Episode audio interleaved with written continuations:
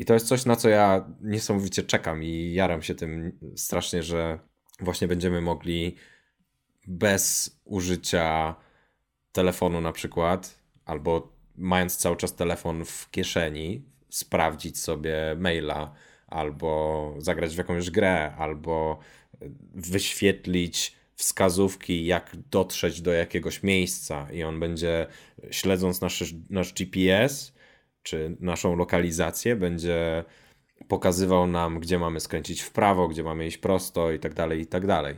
To jest dla mnie bardzo ekscytujące, bardzo na to czekam i wiem, że to jest perspektywa właściwie wydaje się paru najbliższych lat.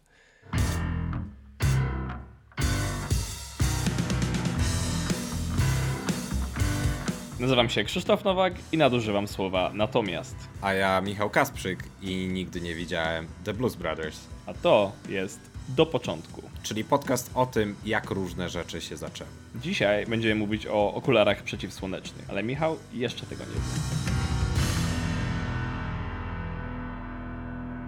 No to lecimy z tematem Krzysiu. Lecimy. Co dla mnie przygotowałeś dzisiaj ciekawego? Okej. Okay.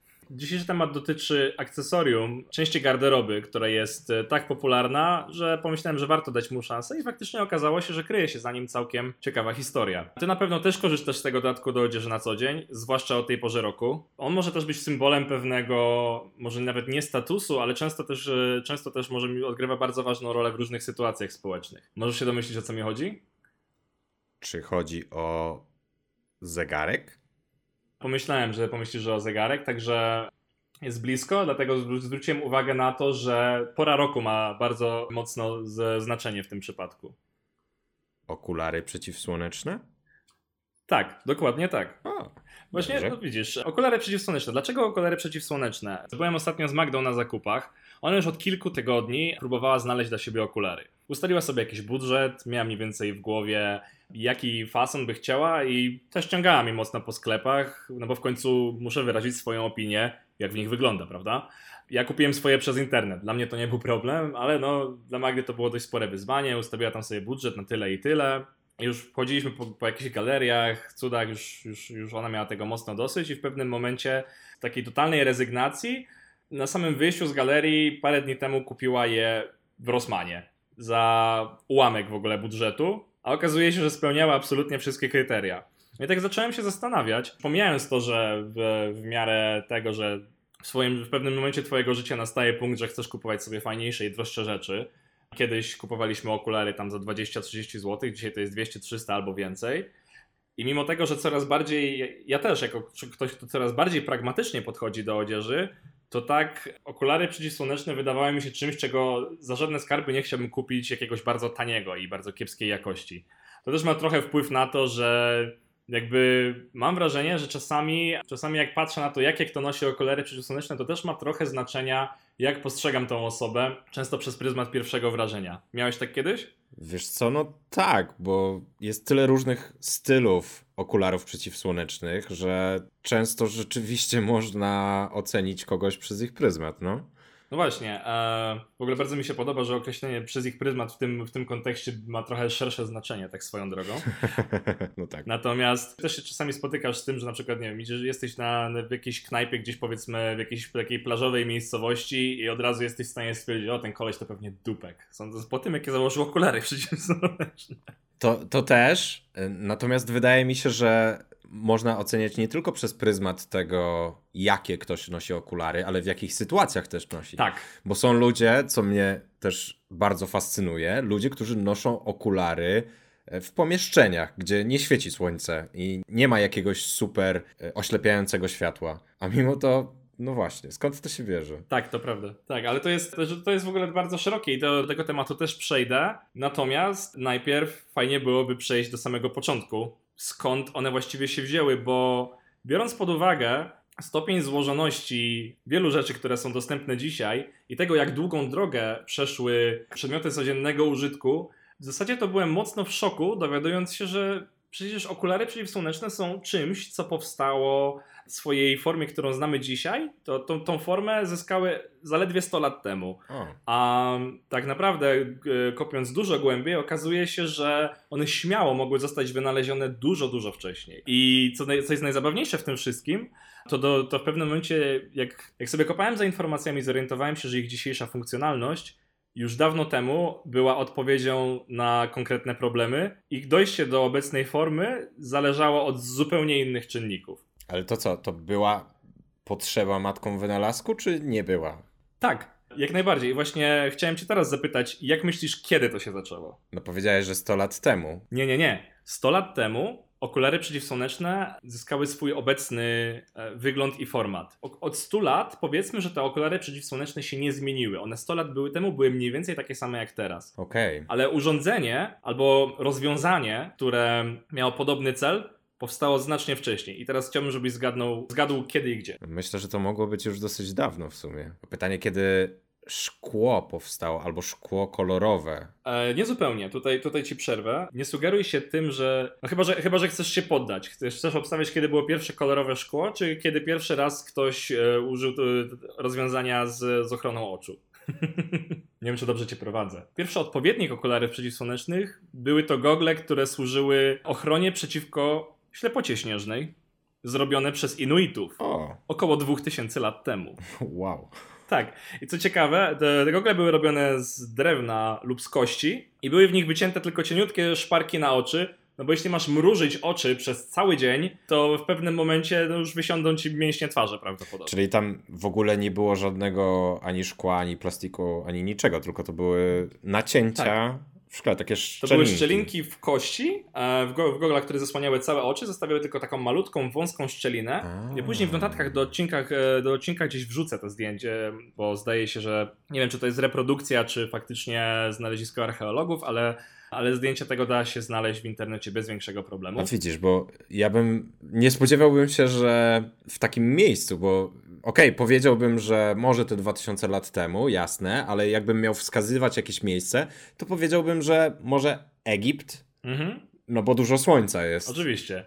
W Egipcie de facto zdaje się, że nic takiego nie miało miejsca. Natomiast jeśli z perspektywy takiej europejskiej pomyślimy sobie o, o tym, gdzie jakieś takie pierwsze roz, roz, zastosowania tego typu miały miejsce, to legenda głosi, że już za, za cesarza Nerona działy się tego typu rzeczy. Konkretnie dziś chodzi po internecie właśnie taka informacja, że rzekomo cesarz Neron miał pewnego rodzaju oszlifowany szmaragd, przez który patrzył sobie na walki gladiatorów. Tak, mhm. podobno było. Natomiast czy konkretnie Neron był jakimś tam innowatorem, ciężko mi powiedzieć. Natomiast wydaje mi się, że, istnie, że jest trochę, trochę nieprawdy w tym stwierdzeniu. Wiesz dlaczego?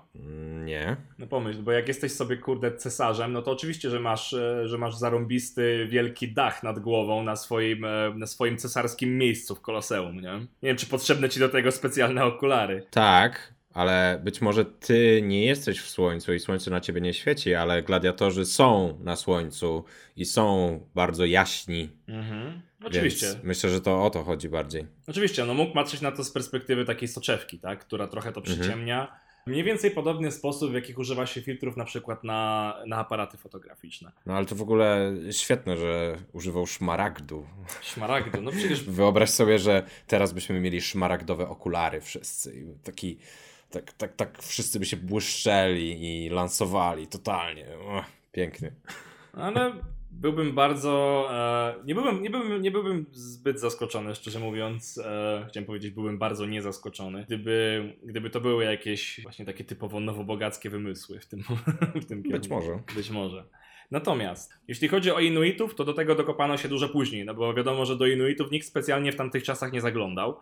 Dlatego, dlatego od nich raczej, o nich raczej to rozwiązanie nie zostało przyniesione. Natomiast inne imperium, e, które mogło tutaj faktycznie już tak sensownie zadziałać i to jest informacja, która chyba najbardziej konkretna z tych wszystkich, do których udało mi się dotrzeć, to XII-wieczne Chiny. To nie jest wcale zaskakujące, prawda? Pomyślałbyś, no w sumie no to, to... mnie nie zaskakuje w sumie. Chińczycy mają za sobą tyle używanych współczesnie wynalazków, że faktycznie XII wiek w Chinach to mogło się coś takiego wydarzyć. Mhm. Kolejną zaskakującą rzeczą jest to, że tutaj ich zastosowanie było też inne, bo w XII wieku w Chinach faktycznie istniały okulary przyciemniane, zrobione z kwarcu, które były używane przez chińskich sędziów, ale one były używane, żeby nie zdradzać emocji podczas procesu. O. Nie miały nic wspólnego ze słońcem.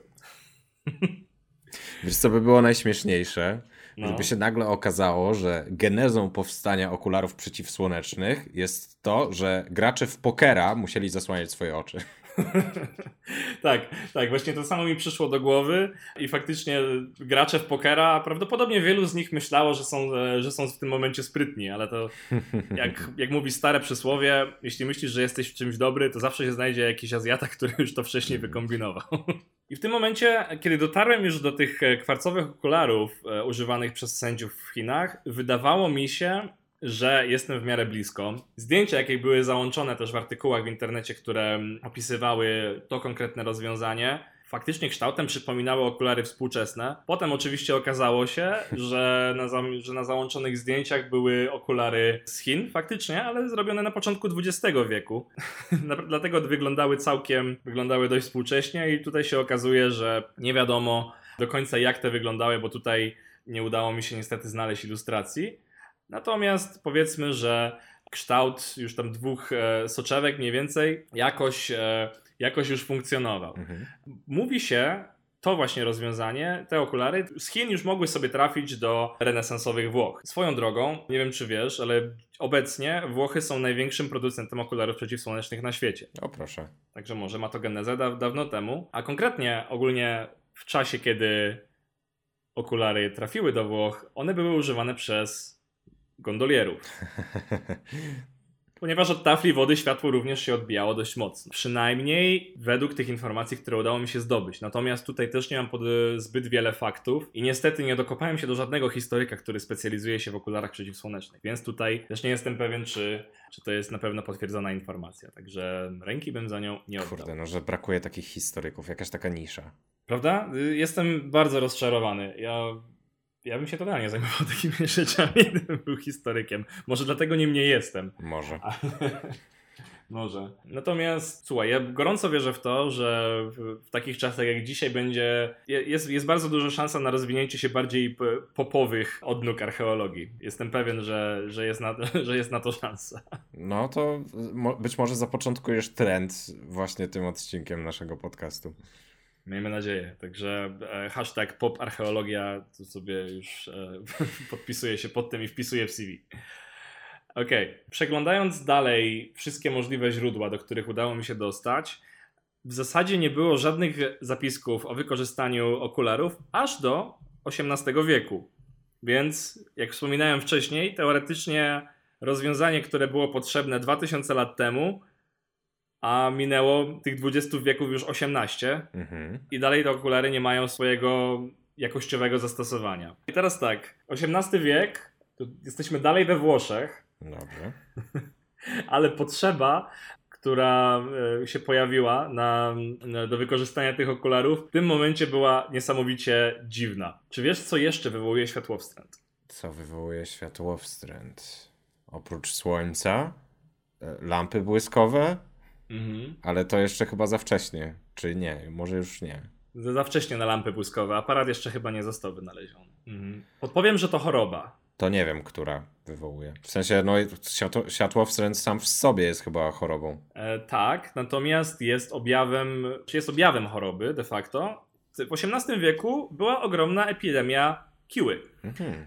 I syfilis, jako dość paskudna choroba, ma kilka różnych objawów. Między innymi jest to światłowstręt, dlatego osoby chore na syfilis miały ten problem, że niestety po prostu cały czas słoneczko je raziło, więc osoby chore nosiły okulary. Okej. Okay.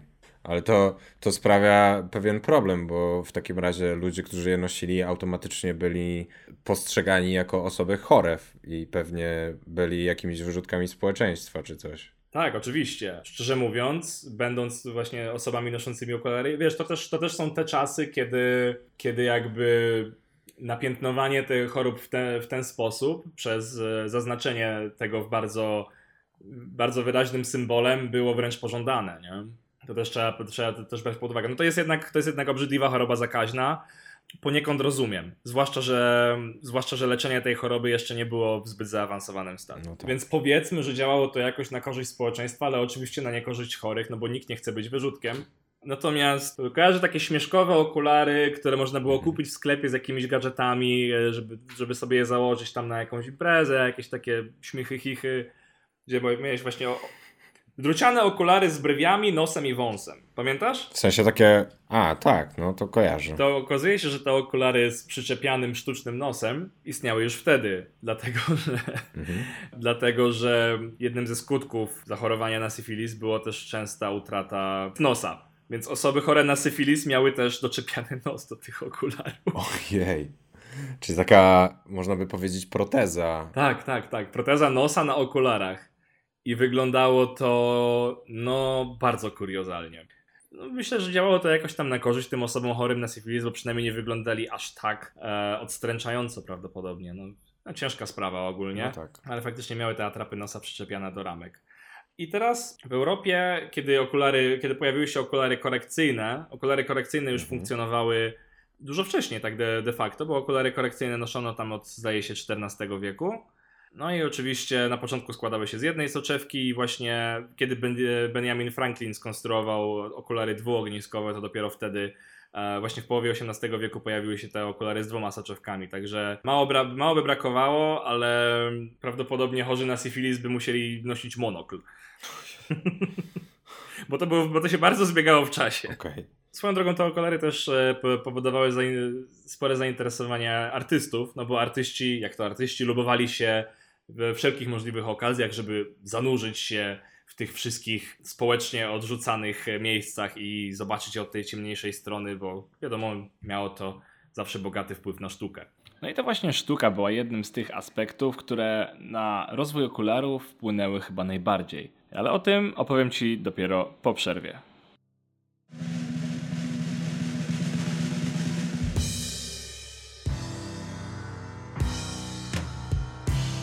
Przerwa.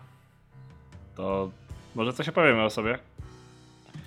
Okej, okay. ale przez pryzmat podcastów rzecz jasna, bo są podcasty zwykłe i są też takie, które nas definiują. I ten, o którym wam opowiemy, to jest właśnie z tej drugiej kategorii. Hmm. Tak, no, na początku 2016 roku zapytałem Michała, czy nie chciałby ze mną zacząć nagrywać podcastu. A ja akurat odmówiłem, bo powiedziałem, że nie słucham podcastów i w ogóle mało wiem o tym medium.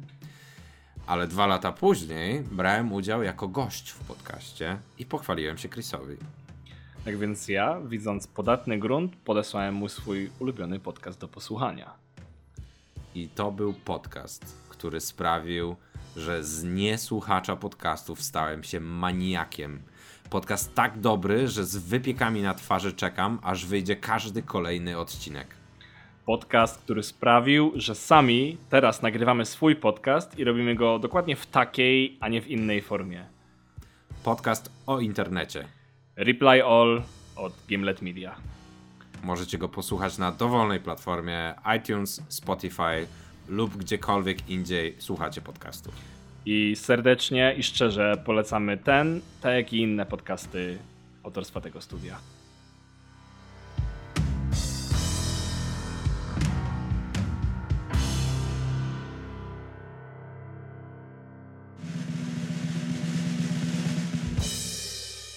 Witamy po przerwie.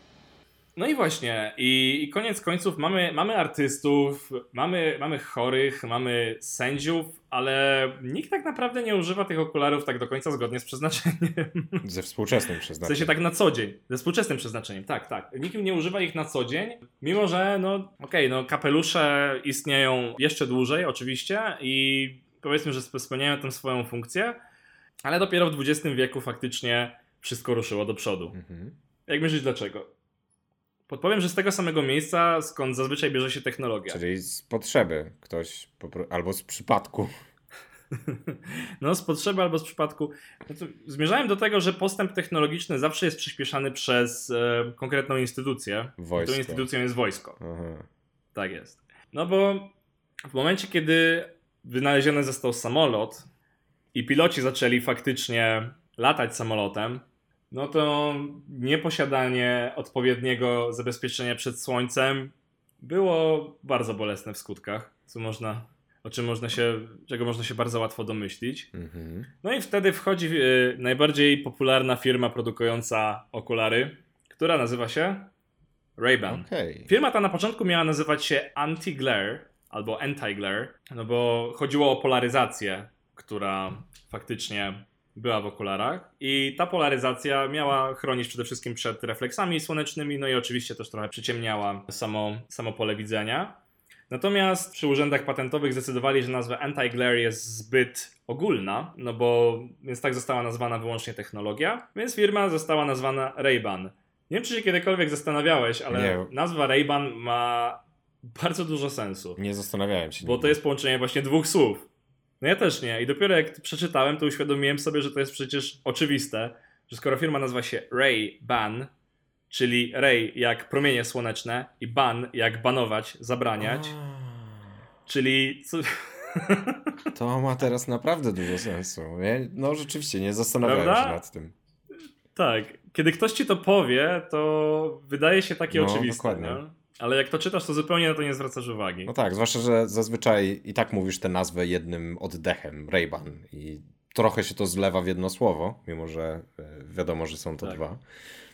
No rzeczywiście, ciekawe. No to prawda. Okej, okay, więc ogólnie jak zaczęli e, produkować te szerokie okulary zrobione pod pilotów, żeby jednak upewnić się, że te promienie słoneczne nie będą przeszkadzać, to ten, ten kształt jakoś bardzo od tamtego czasu się nie zmienił. Więc oczywiście nazwa popularnych awiatorków nie wzięła się znikąd. Zresztą nie jest to też tajemnicą. Myślę, że myślę, że wiele osób też to wie, że mhm. faktycznie te, ten konkretny kształt okularów wziął się od pilotów. Natomiast one miały dużo swoich wariacji. Swoją drogą, tutaj może zrobię troszkę dygresję w czasie, ale nie będzie prawdopodobnie na to lepszego miejsca, bo można, bo można zauważyć, zobaczyć jeden bardzo specyficzny model właśnie okularów e, typu Aviator e, noszonych przez nikogo innego jak Huntera S. Thompsona, którego wszyscy znamy z Las Vegas Parano. W wersji filmowej grał go Johnny Depp i również w wersji, w wersji filmowej, czy tak, w filmowym przedstawieniu e, tej, jego historii Johnny Depp e, ma ten bardzo charakterystyczny model awiatorków,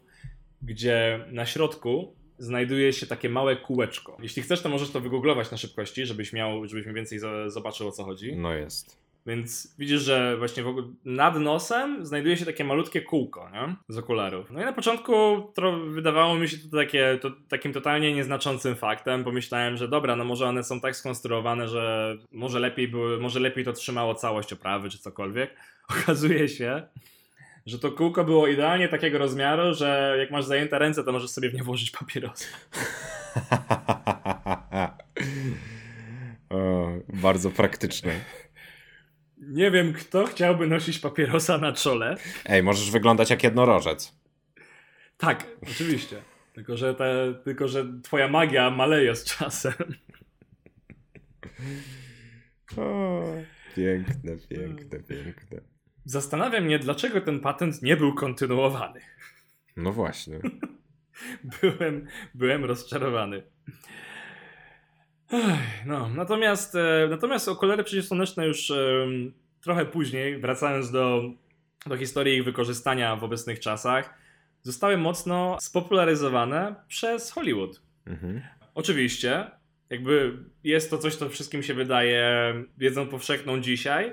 Natomiast e, wiesz, jaki był właśnie pierwszy powód, który za tym stał? Powiedziałeś to już wcześniej. No, była taka potrzeba. Była taka potrzeba, ale bardziej chodzi o to, że gwiazdy Hollywood Dostawały zapalenia spojówek od lamp. Ach, o lampy błyskowe ci chodzi, tak. Tak, tak, tak. tak. Dostawali, miały właśnie straszny problem z zapaleniem spojówek, przez to, że lampy były jeszcze jaśniejsze kiedyś. Mhm. Zwłaszcza, że sensory um, kamer czy aparatów też nie były, tak, e, nie były tak wrażliwe, więc oświetlenie musiało być jeszcze mocniejsze. No i niestety, e, no, prze, przekrwione oczy nie wyglądają dobrze na filmie. Mhm. No, więc, więc okulary coraz częściej e, były przez, nie, przez nie noszone do tego stopnia, że właśnie zastanawiali, ludzie zaczęli, zaczęli się zastanawiać, ej, no dlaczego ci, dlaczego ci aktorzy z Hollywood cały czas noszą te okulary przeciwsłoneczne? Właśnie dlatego, żeby, żeby się uchronić przed zapaleniem spojówek. To jest e, swoją drogą, tutaj też ciekawostka z zupełnie innej, e, innego, z innej kategorii, natomiast dotycząca tych samych czasów. Też ze względu na, ze względu na to, że wtedy robiono też czarno-białe filmy, Amerykanie mieli, teraz złapali straszną obsesję na śnieżno-białe zęby, bo wtedy hollywoodscy aktorzy musieli je mieć tak wypucowane, że po prostu musiały wyglądać super jasno, żeby na, żeby na filmie wyglądać jak należy, żeby nie mieć brzydkich zębów. No tak, musiały być tak białe, że inni musieli nosić okulary przeciwsłoneczne, żeby blask tych zębów ich nie raził. Z pewnością tak było. Także widzisz, samo napędzająca się machina robiona przez Hollywood. No ale de facto Amerykanie do dzisiaj mają obsesję na punkcie, na punkcie no tak. śnieżno-białych zębów. Od tamtych czasów już. Europejczykom aż tak to nie przeszkadza. No, no dlatego e, jak już wszyscy widzieli swoje ulubione gwiazdy gdzieś tam, no to oczywiście wiadomo, że jeśli jesteś czyimś fanem, na przykład strasznie lubisz Audrey Hepburn i myślisz sobie, kurde, ale ona jest cool w tych okularach, no ja też muszę takie mieć. No i właśnie oczywiście powodem za tym też było to, że trzeba było też ukryć tą twarz i tak dalej. Miles Davis miał bardzo ciekawy powód noszenia okularów przeciwsłonecznych. Nosił je głównie dlatego, żeby unikać kontaktu wzrokowego z rasistami. O Jezu. No, no ale ma to że... rzeczywiście dużo sensu i nie dziwię się, że tak robił. No cóż. Na szczęście czasy się zmieniły. Na szczęście. Przechodząc dalej. W sumie ja chciałem się ciebie zapytać, z racji tego, że zawodowo zajmujesz się mhm. przemówieniami, dlaczego twoim zdaniem okulary tak mocno wpływają na odbiór i postawę i osoby, która je nosi, i osoby, która, która na, widzi osobę noszącą okulary. Jak myślisz? Przeciwsłoneczne. No, jeżeli ktoś ma założone okulary przeciwsłoneczne i no, z mojego doświadczenia biorąc, stoi na scenie i mówi do ludzi, to publiczność może pomyśleć o tym, że ta osoba ma nieczyste zamiary, bo chowa swoje oczy. No, oczy są takim metaforycznym oknem w głąb duszy, więc jeżeli ja nie mogę zajrzeć ci w głąb duszy, to być może ty coś ukrywasz i nie chcesz, żebym ja coś zobaczył. Więc myślę, że to z tego się może brać. Mhm. Jasne. Ja też, e, też, też jestem zdania, że oczywiście to jest jedna z opcji, ale z drugiej strony nie miałeś czasami tak, że jak siedziałeś w jakimś e, miejscu, no, gdzie oczywiście nie, nie, nie było to dziwne, ale faktycznie dużo bardziej komfortowo było ci schować się za okularami, bo nie musiałeś się skupiać na nawiązywaniu kontaktu wzrokowego z wszystkimi i mogłeś przez to być trochę bardziej wyluzowany? Miałeś tak? Być może tak. Ja, jeżeli występuję na scenie, to nie zakładam okularów przeciwsłonecznych, bo wiem, jaki może być tego odbiór. I nawet jeżeli ja się czuję bardziej komfortowo, bo rzeczywiście nie muszę nawiązywać kontaktu wzrokowego z ludźmi, to wiem, że oni nie widząc moich oczu będą to postrzegać raczej negatywnie. A być może nawet będą to postrzegać jako brak szacunku. A nie, no oczywiście w sytuacji scenicznej tak. Natomiast miałem na myśli też takie i wszystkie pozostałe Aha, sytuacje. Tak w życiu codziennym czasami mam okulary przeciwsłoneczne, ale wtedy jeżeli rozmawiam z kimś, to mówię, że strasznie mnie razi słońce i przepraszam, że muszę je nosić. A jeżeli wiem, że wytrzymam światło, które jest dookoła mnie, no to staram się jednak nie mieć założonych okularów przeciwsłonecznych. Chyba, że druga osoba ma założone i nic sobie z tego nie robi, to nie widzę powodu, żebym ja też nie musiał nosić. Hmm. Myślę, że to, że to całkiem dobrze podsumowuje ten rodzaj społecznej interakcji. Mm-hmm.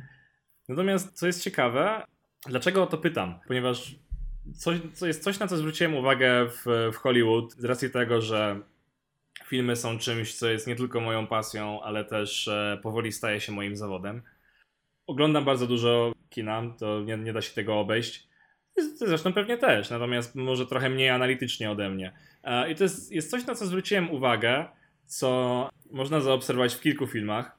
Na przykład, jeśli oglądasz Blues Brothers, zwrócisz uwagę na to, że faktycznie oni nie zdejmowali okularów przeciwsłonecznych praktycznie w ogóle. No tak. Bo było to częścią, e, częścią persony, tak? Mhm. Dopiero moment, dopiero moment zdjęcia, teraz nie pamiętam, czy to był Jake czy Elwood, w którymś momencie okularów. Zdaje się, że jak rozmawiał z dziewczyną, jak sprawa zrobiła się dość poważna, dopiero wtedy zdjął je na chwilę i jest filmie dosłownie kilka sekund, kiedy widać oczy jednego z głównych bohaterów. Mhm. I to jest wyjście, to, to oznaczało wyjście z, z roli, którą odgrywał przez absolutnie całą resztę filmu. No tak. Nie wiem, czy pamiętasz ten moment. Nie, bo nie oglądałem Blues Brothers, albo nie pamiętam, że oglądałem Blues Brothers. Ale obejrzyj. Rodzaj, rodzaj humoru, który jest w tym filmie jest niesamowicie absurdalny. Bardzo go lubię. To kiedyś pewnie obejrzę. No, bardzo się postarzał, ale w ten, e, w ten sposób, że można go oglądać mając z tego niesamowity ubaw właśnie przez to, jak, jak bardzo nierealistyczne są niektóre sceny. Innym, innym przykładem filmu, w którym okulary odgrały bardzo kluczową rolę, jest prawdopodobnie jeden z najważniejszych filmów, e, przynajmniej Matrix. dla mnie, kiedykolwiek. Tak jest. No, jakby jeśli, jeśli ktoś widział Matrixa, to wie dlaczego to ważny film. No tak, tak. Natomiast tam okulary no, były niesamowicie kluczowe. No właśnie, Morf Morfeusz nosił e, lustrzane okulary i to chyba miało jakieś znaczenie. I Neo nosił okulary i właściwie Agent Smith nosił okulary. Wszyscy nosili okulary. Wszyscy nosili okulary, tak. Swoją drogą właśnie pamiętam jak po, po premierze Matrixa zaczęła się ta gigantyczna moda na okulary i długie skórzane płaszcze do pary i te, właśnie takie bardzo, bardzo gotycko-cyberpunkowe e, ciuchy. Mhm. Ja swoją drogą też szukałem tych okularów bohaterów z serii obsesyjnie, bo byłem wtedy dzieciakiem, byłem strasznie zajarany Matrixem. Jak dzisiaj spojrzę na, na fasony tych okularów, to, to w zasadzie możesz takie założyć co najwyżej na narty. Dlaczego, dlaczego te okulary miały miejsce? Zwróć uwagę na to, że okulary, że nosili okulary, kiedy byli w Matrixie, ale kiedy, kiedy już z niego wyszli, kiedy byli w tym prawdziwym świecie, na tym swoim statku tam powiedzmy, nie pamiętam, um, no to nie było potrzeby ich zakładać, nie? Na, Nabuchodonozor. Nabuchodonozor, oczywiście, że Nabuchodonozor, tak, tak, tak. Dlaczego? W zasadzie nie do końca wiadomo, dlaczego agent Smith nosił okulary, no to, chociaż z drugiej strony miało to tak samo znaczenie, jak, chociaż mogło, po, po, pozwalało go to trochę odczłowieczyć, na pewno miało, um, to na pewno grał w tym ważną rolę. Natomiast jeśli w, w tym momencie pozostali bohaterowie, no, wszyscy bohaterowie nosili okulary, to wiązało się to z tym, że perspektywy kin kinematograficznej to bardzo mocno pomaga zorientować się widzowi, mhm. gdzie jest. Nie? No bo jeśli przeskakujesz pomiędzy dwoma światami, no to fajnie jest mieć jakiś zabieg, który, który to ułatwia. No tak, to jest bardzo ciekawe w sumie. Chociaż od strony pragmatycznej jest bardzo duża szansa, że aktorzy po prostu przez te wszystkie wybuchy i błyski na, na planie trochę musieli je nosić, bo po prostu inaczej by mrużyli oczy cały czas, bo wiadomo ile w tym filmie się dzieje. Też podobno CGI, e, jeśli chodzi o oczy, jest trochę trudne. Więc możliwe, że od strony praktycznej też, też na planie stwierdzili, że hej, w sumie to trochę ułatwi sprawę, a wygląda mhm. cool, więc zróbmy to. Natomiast faktycznie okulary też świadczą o jakimś, e, często pokazują zupełnie inna, w innym świetle bohatera. Wydaje mi się, że jeśli chodzi o agentów i to dlaczego oni nosili okulary, szczególnie jeśli chodzi o agenta Smitha, to może być dlatego, że oni byli czysto programem mhm. i nosili okulary właśnie przez to, że jeżeli tych okularów nie masz, to ktoś może zajrzeć w twoje oczy i wyczytać, czy jesteś człowiekiem. W sensie takim, że oczy sprawiają, że jesteśmy bardzo ludzcy, między innymi oczy. Mhm. No, I, dlatego, no- sens. I dlatego nosili okulary, żeby nikt się na nich nie poznał z osób, które nie mhm. powinny. E, z drugiej strony no, są też ochroniarzami. Jak sobie tak pomyślisz, to wydaje mi się, że tacy ochroniarze VIP-ów dosyć często też noszą okulary przeciwsłoneczne, żeby nie było po prostu wiadomo, w którą stronę patrzą i czy akurat obserwują ciebie, który chcesz popełnić jakiś zamach czy coś, czy patrzą się w totalnie inną stronę. Nie jesteś w stanie tego wyczytać wtedy. Więc to też może być powód. No tych powodów jest dużo, nie? No potem, wyko potem wykorzystania się mnożą. Tutaj drugi raz w tym samym podcaście wykorzystam mhm. przykład e, Casey Neistata, który zanosił okulary przeciwsłoneczne, bo sposób w jaki kręci wideo wygląda w ten sposób, że patrząc w kamerę często pokazuje jakiś obiekt, który jest za nim palcem i musi sobie spojrzeć w, w podgląd aparatu, żeby zobaczyć, czy na pewno dobrze pokazuje.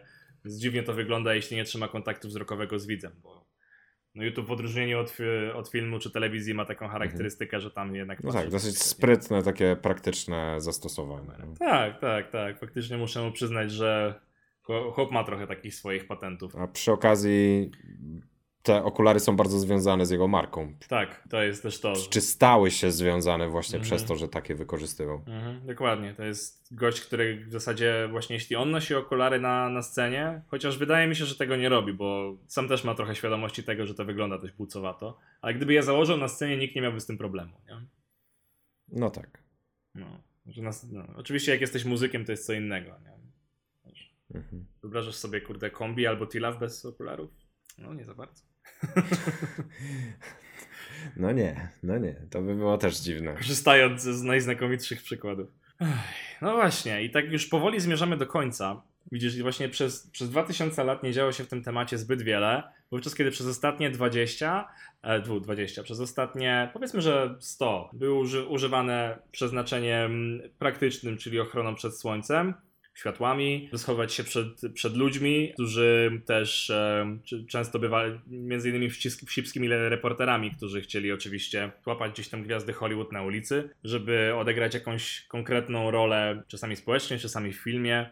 Było tego mnóstwo. Potem, potem pojawiły się jeszcze inne rzeczy. Na przykład firma Oakley zaczęła wprowadzać rozwiązania typu odtwarzacz MP3 w okularach. Nie wypaliło to jakoś za dobrze. Zresztą e, potem Potem w, w telezakupach dla milenialsów, czyli na, na Kickstarterze. No trochę e, tak. Pojawiły się projekty. No, no, no cóż, no powiedz mi, że tak nie jest. No. O Jezu. Widziałem różne śmieszne projekty typu okulary na bluetooth, które odtwarzają muzykę przenosząc drgania do czaszki, nie? Mhm. Wydaje się, że jacyś tam dziennikarze technologiczni to testowali i nie, nie wychodzi to mhm. zbyt dobrze. Mówmy się, że drgania przenoszące się po twoich kościach nie, nie mają, a nie, to, to nie jest płyta winylowa, nie? To, to nie będzie tak dobrze brzmiało. No potem te same soczewki były stosowane też do fotografii i wideo, także to też wracamy do takich praktycznych zastosowań, ale no tego jest, tego jest masa, więc tutaj na koniec chciałem zadać Ci pytanie, jak myślisz, co jeszcze ciekawego może się wydarzyć Właściwie to wydaje mi się, że cały czas się dzieje, bo zaczynając od totalnego niewypału, którym były Google Glasses, czyli rozszerzonej rzeczywistości wewnątrz okularów, to mimo wszystko, że to był niewypał, wydaje mi się, że w tym kierunku idziemy. Tak samo mamy HoloLens od Microsoftu, który też jest rozszerzoną rzeczywistością w okularach. Znaczy HoloLens to jest trochę inna rzecz, no bo, to, bo on nie mieści się w takich okularach, które zakładasz na co dzień, nie? Oczywiście, ale jest jakąś soczewką czy szybką, na której widzisz dodatkowy obraz. I to bardzo łatwo później będzie przenieść na klasyczne okulary. Zresztą wydaje mi się, że są nawet jakieś projekty takie, które zakładają stworzenie rozszerzonej rzeczywistości wewnątrz bardziej klasycznych modeli okularów. I to jest coś, na co ja niesamowicie czekam i jaram się tym strasznie, że właśnie będziemy mogli bez użycia telefonu na przykład, albo mając cały czas telefon w kieszeni, sprawdzić sobie maila, albo zagrać w jakąś grę, albo wyświetlić wskazówki, jak dotrzeć do jakiegoś miejsca, i on będzie śledząc nasz, nasz GPS czy naszą lokalizację, będzie pokazywał nam, gdzie mamy skręcić w prawo, gdzie mamy iść prosto i tak dalej, i tak dalej. To jest dla mnie bardzo ekscytujące, bardzo na to czekam i wiem, że to jest perspektywa właściwie wydaje się paru najbliższych lat. Absolutnie. E, nie mam co do tego żadnych wątpliwości. Zwłaszcza, że widziałem już gdzieś zdjęcia jakichś prototypowych okularów, które właśnie miały mieć podobną funkcjonalność jak Google Glass, e, a były już włożone w ramki takich bardziej zwyczajnych okularów przeciwsłonecznych. Oczywiście te ramki były trochę grube, ale w dalszym ciągu wyglądało to już całkiem należycie. Natomiast właśnie, czego uważam, że Matrix jest super ważnym filmem. Ja jestem człowiekiem, który, e, który bardzo lubuje się w absolutnie wszystkich treściach związanych z, z cyberpunkiem. Dlatego też e, te same powody, które znaczy ciebie, zarówno ciebie, jak i mnie ekscytują pod względem możliwości, które dają te okulary, stwarzając też strasznie dużo zagrożeń, które zresztą można było oglądać w takich seriach jak Black Mirror, która pokazuje jakieś tam wyobrażenia na temat niedalekiej przyszłości gdzie faktycznie, nie wiem czy oglądałeś. Oglądałem. Oglądałeś. I właśnie trochę się obawiam, że um, gdzie pojawiają się zagrożenia związane też z tym, że chowając się za tymi okularami, um, które dają ci możliwość pewnego rozszerzenia tej rzeczywistości, zaczynasz coraz bardziej oszukiwać. No. I kto wie, czy właśnie ich nienoszenie stanie się już takim uniwersalnym symbolem szczerości. Ciężko mi powiedzieć. Aczkolwiek nauka idzie w tym stopniu dalej, że technologia umożliwiająca też e, różne rozwiązania dooczne e, może też być wcale niedaleka, więc kto wie. No, myślę, że jest całkiem niedaleka. I faktycznie, no coś tutaj jest na rzeczy takiego, że hmm, ta szczerość będzie coraz trudniejsza. Albo zyskanie zaufania będzie coraz trudniejsze w kontakcie jeden na jeden, kiedy ludzie będą albo mieli dodatkową technologię na sobie, albo będą w ogóle zmodyfikowani, no bo to też e, różne, różnego rodzaju takie biotechnologiczne ulepszenia, to, to też jest, myślę, przyszłość i to na pewno będzie się działo, ale jestem też przekonany, że będą też ruchy, które będą takim mm, będą ruchy, które będą za tym, żeby nie używać w ogóle tych technologii i za tym, żeby być takimi czystymi ludźmi, że tak powiem. To brzmi w ogóle strasznie. Przerażająco mhm. wręcz. Tak, tak. E... Swoją drogą bardzo mi to przypomina. E... Tak, no bardzo mi się kojarzy to z, z pewną znaną serią e... gier wideo. E, w ogóle śmiesznie jak przeszliśmy tematem, bo właśnie chciałem teraz wspomnieć o Deus mhm. Ex i rzeczami z tym związanymi. A zaczęliśmy od, zaczęliśmy od gogli chroniących przed ślepotą śnieżną Inuitów 2000 lat temu, więc. Dla mnie bardzo ciekawe jest to, że okulary przeciwsłoneczne, e... czy nawet po angielsku e, sunglasses, mhm. mają swoją nazwę od słońca. Podczas gdy pierwsze zastosowanie to było ok, powiązane ze słońcem, no bo ślepota śnieżna jest związana mocno ze Słońcem, mhm. ale gdzieś tam po drodze różne inne zastosowania, czy właśnie dla sędziów, e, czy no później, później już dla pokarzystów, e, to są takie zastosowania, które nie mają związku ze Słońcem. A mimo wszystko nazwa bierze się od Słońca właśnie. Czyli te 100 ostatnich lat w rozwoju okularów musiało być najważniejszymi, a przynajmniej na tyle ważnymi i na tyle związanymi z naszą współczesnością i naszą kulturą, która mocno się kształtowała też przez ostatnie 100 lat, że nazwa pochodzi właśnie od Słońca, czyli od tego najważniejszego z naszej perspektywy aspektu użycia okularów przeciwsłonecznych. Dziękuję Ci za to bardzo ładne podsumowanie, Michale. Wydaje mi się, że będziemy już na dzisiaj kończyć. Bardzo się cieszę, że udało nam się e, wyciągnąć więcej e, przemyśleń związanych z tym tematem, bo wydaje mi się, że rzecz, która się wydaje tak e, oczywista, jednak może mieć tak wiele wymiarów i czasami, czasami tak dziwną drogę w dojściu do tego, czym była dzisiaj, że czasami można się tego nie spodziewać. Także mam nadzieję, chcę podziękować też słuchaczom, mam nadzieję, że byliście z nami do końca i że dowiedzieliście się czegoś nowego i kilku ciekawych rzeczy. Ja, ja z pewnością dowiedziałem się czegoś nowego i to było bardzo ciekawe dla mnie. Super, bardzo mnie to cieszy. Więc, więc jeśli, jeśli jedna osoba dowiedziała się czegoś ciekawego, to już nie jest to czas zmarnowany, a kto wie, może pośród osób, które słuchały, jest takich osób więcej. Bardzo Ci dziękuję, Michale, za dzisiaj. Do usłyszenia już za dwa tygodnie. W następnym odcinku porozmawiamy o tym, jak grupa 50-parolatków od prawie 30 lat gra w grę dla dzieci. Ale Krzysiek jeszcze o tym nie wie. Ten odcinek został zedytowany przeze mnie, Krzysztofa Nowaka i wyprodukowany przeze mnie i Michała Gasprzyka. Muzyka została stworzona przez projekt Sheila. Wielkie dzięki. Możesz zasubskrybować nasz podcast na iTunes lub gdziekolwiek słuchasz podcastów.